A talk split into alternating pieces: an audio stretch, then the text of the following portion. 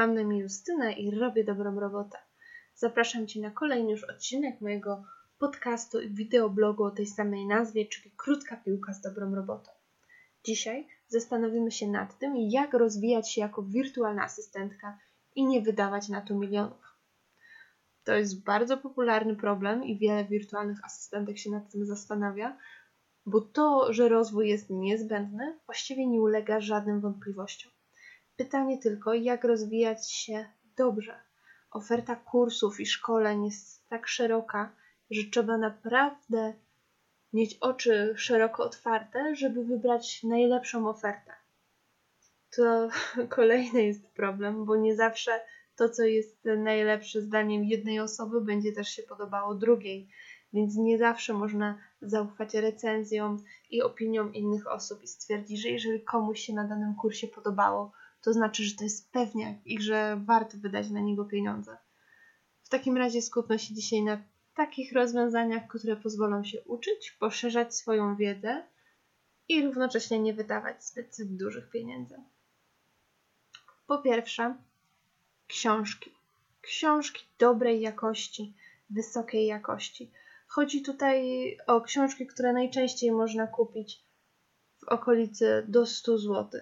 Zazwyczaj Zazwyczaj książki biznesowe nie są droższe niż to. Jeżeli są, to już są zazwyczaj jakieś bardzo e, eksperckie pozycje, które niekoniecznie przydadzą się wirtualnej asystentce. To są raczej propozycje dla ludzi, którzy piszą doktoraty, którzy podchodzą do tematu bardzo naukowo. Te dla wirtualnych asystentek zazwyczaj nie przekraczają 100 zł. Najczęściej cena oscyluje tak do 50-60 zł. No, ale tutaj jest słowo klucz książki dobrej jakości. Na pewno zauważysz, że wiele książek biznesowych tak naprawdę e, zostały napisane głównie po to, żeby stać się reklamą dla ich autora, a niekoniecznie po to, żeby czytelnikowi oferować rzetelną i wartość. W związku z tym takich książek powinnaś unikać, bo właściwie niewiele z nich wyniesiesz. No dobrze, ale jak ich uniknąć, bo to pewnie Cię teraz interesuje najbardziej. No, nie ma na to jednej drogi. Najlepiej jest czytać recenzje osób, których, e, którym ufasz. Nie osób, które mają zapłacone za to, żeby e, pisać pochlebne recenzje, a na koniec umieścić Ci link partnerski do zakupu książki, tylko takim, którym rzeczywiście ufasz, które widzisz, że w żaden sposób nie zarabiają na sprzedaży tej książki, i że nie miałyby w interesie polecania ci jej, gdyby nie uważały jej za dobrą y, propozycję. Na moim blogu z pewnością też y, niejednokrotnie zauważysz, że jest mnóstwo recenzji książek, bo ja bardzo, bardzo dużo czytam, a więc y, myślę, że możesz też sprawdzić, które książki w moim zdaniem są wartościowe i może część z nich spodoba się także Tobie. Kolejne fantastyczne źródło wiedzy to YouTube. Nie czarujmy się, YouTube jest po prostu kopalnią wiedzy. Właściwie tam można znaleźć wszystko. Musisz po prostu wiedzieć, jak szukać. Jest wiele szkoleń, wiele darmowych wykładów, wiele e, webinarów. Nie wszystkie są po polsku, aczkolwiek póki co YouTube udostępnia też opcję napisów więc y, nawet jeżeli nie znasz angielskiego, to możesz sobie włączyć napisy. E, ogromną zaletą YouTube'a jest to, że masz też pod spodem komentarze, więc y, możesz poczytać, co inni myślą na ten temat y, danego szkolenia. Nie musisz oglądać go całego, żeby już wiedzieć, czy, inni, czy inne osoby były zadowolone z tego szkolenia. To jest o tyle ważne, że te komentarze zazwyczaj są dość obiektywne. No oczywiście tam się znajdą też hejterzy i znajdą się osoby, które wrzucają niezasłużone pochwały, ale mimo wszystko większość komentarzy na YouTubie jest obiektywna. Więc jeżeli e, oceny są pochlebne, to najprawdopodobniej to szkolenie może też się przydać Tobie. Kolejna bardzo fajna rzecz na YouTubie to jest to, że możesz przesuwać sobie film. Nie musisz go oglądać całego. Nic się nie stanie, jeżeli z dziesiątej minuty przeskoczysz na dwudziestą i zobaczysz, co się dzieje dalej i czy to rzeczywiście dla ciebie. Dzięki temu możesz naprawdę oszczędzić sporo czasu i szybko zweryfikować, czy to jest rzecz dla ciebie, czy jednak nie. Trzecia sprawa to darmowe wyzwania. Najczęściej za udział w wyzwaniu musisz, e, musisz zapłacić swoim adresem mail, czyli po prostu zostawić do siebie kontakt i, i, i po prostu być wbudowanym w czyjąś bazę. Myślę, że to jest stosunkowo niska cena za, za udział w wyzwaniu. No ale oczywiście zależy w jakim. Wyzwania też mają różne wartości. Czasami, czasami wyzwania są naprawdę fajne, naprawdę mobilizujące. Ja wyzwania szczególnie wysoko cenię w momencie, kiedy mają y, rozbudowaną bazę, y, rozbudowaną bazę taką networkingową, gdzie współpracują osoby biorące udział w wyzwaniu, gdzie mogą się wymieniać swoimi doświadczeniami. Tutaj dużo zależy od osoby, która prowadzi wyzwanie, czy potrafi taką grupą zarządzać i zachęcać do interakcji. Jeżeli tak, to jest naprawdę fajna sprawa, która może zaowocować budowaniem relacji z nowo poznanymi ludźmi w przyszłości. Tutaj, jeśli chodzi o wyzwania, to są one organizowane przez wiele różnych osób. I ty musisz po prostu wybrać te osoby, którym ufasz i które gdzieś tam podziwiasz i które uważasz za ekspertów. Nie ma tutaj dobrej drogi, nie ma określonych nazwisk, że tą osobę możesz, e, możesz oglądać i tą osobę możesz podziwiać, a innych osób, osoby skreślasz. Nie ma czegoś takiego. Możesz e, nawet e, brać udział w wyzwaniach kilku osób, które można, mogłyby zostać uznane za konkurencję dla siebie.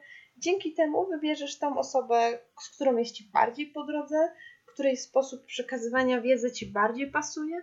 No i dzięki temu będziesz też wiedziała, czy chcesz u takiej osoby robić już kurs płatny. Tak? Bo w gruncie rzeczy wyzwania najczęściej są niczym innym niż przynętą na płatne kursy. Możesz je potraktować jako też taką bezpłatną próbkę możliwości i, i tego, jak będzie wyglądał kurs, za który już będziesz musiała zapłacić co nie zmienia faktu, że udział w wyzwaniu w żaden sposób nie obliguje cię do tego, żebyś e, kupiła cokolwiek u osoby, która organizuje wyzwanie. Wyzwania najczęściej są darmowe i nie obciążone absolutnie niczym, oprócz tego, że podajesz e, swój adres mail. Kolejna sprawa to kursy na Udemy. To są kursy już płatne ale bardzo często opłaty za te kursy są po prostu śmieszne. Yy, na Udemy bardzo często są e, różnego rodzaju promocje, wyprzedaże. Wtedy kursy, fajne kursy możesz kupić już za 30-40 zł. Jasne, są też droższe wersje, ale możesz kupić już za kilkadziesiąt złotych e, pełnowartościowe kursy, na których możesz się wiele nauczyć. Więc jeżeli E, nie masz jakichś bardzo sprecyzowanych potrzeb, ale chciałabyś tylko powiedzmy brzydko liznąć tematu, to niejednokrotnie najprościej jest wejść na Udemy i wybrać kurs w jakiejś fajnej cenie. E, tutaj kolejny atut jest taki, że kursy są oceniane. Maksymalnie może mieć 5 gwiazdek, więc możesz po prostu wybrać ten kurs, który cieszy się największą, największym zaufaniem innych użytkowników. To są oczywiście kursy wideo, więc całkiem przyjemne w odbiorze. Możesz sobie je po prostu pooglądać yy, i, i czegoś się dowiedzieć przy okazji. Ja myślę, że 40 zł nie powinno zrujnować Twojego portfela. Co ważne, kursy też mają 30-dniową gwarancję zwrotu pieniędzy, czyli jeżeli okaże się, że ten kurs nie wygląda tak, jakbyś sobie to wyobrażała, to możesz po prostu e, zwrócić się o zwrot pieniędzy. Bo przecież e, nie o to chodzi, żebyś płaciła za coś, co się po prostu nie sprawdza. I ostatnia rzecz, o której chciałam dzisiaj Ci powiedzieć, to kursy, których jakość można sprawdzić. Ja wiem, często te kursy nie mają już wcale żadnej okazyjnej ceny, tylko normalną cenę, nawet kilkaset złotych, czy czasami nawet kilka tysięcy złotych ale ważne jest to, żebyś mogła sprawdzić, żebyś dostała darmową próbkę. Tutaj ta darmowa próbka oczywiście nie musi, może mieć różny wygląd, może przyjmować różną formę. Może to być na przykład e, tydzień, tydzień nauki za darmo. Bardzo ważne jest, żebyś nie wepchnęła się przez przypadek na kurs, który nie odpowiada Twoim oczekiwaniom. Żeby nie doszło do sytuacji, że przelejesz e, komuś kilka tysięcy złotych, a potem się okaże, że kurs nie, po prostu Ci się nie podoba. Może Ci się nie podobać z wielu względów. Może być nieprofesjonalnie przygotowany, a możesz po prostu nadawać na innych falach niż prowadzący. Może też być tak, że po prostu ten kurs w niczym nie wygląda tak, jak się tego spodziewałaś. Jestem weteranką kursów, więc umówmy się, w 90% przypadków kurs nie wyglądał tak, jak tego bym oczekiwała. I bardzo ważną sprawą jest więc to, żebyś mogła zerknąć do wnętrza tego kursu, żebyś mogła zobaczyć, jak to wszystko działa, jak wygląda i czy to jest na pewno kurs dla ciebie, bo dzięki temu będzie ci łatwiej podjąć decyzję i nawet jeżeli zdecydujesz się za niego zapłacić, to będziesz wiedziała, że to są dobrze wydane pieniądze. Bo o to w tym wszystkim chodzi. Żadną sztuką nie jest wydawanie setek złotych, czy wydawanie nawet wszystkiego, co zarobisz, tylko po to, żeby przelewać te pieniądze osobom organizującym szkolenia, z których nic nie będziesz miała. Masz się uczyć takich rzeczy, które pozwolą ci w przyszłości zarobić i których po prostu się zwrócą. To by było dzisiaj na tyle. Chciałabym, żebyś zapamiętała z dzisiejszego odcinka, że możesz e, za niską cenę lub nawet za darmo uczyć się z książek wysokiej, o wysokiej wartości, z YouTube'a, z darmowych wyzwań, z kursów na Udemy i z kursów, które możesz sprawdzić przed zakupem.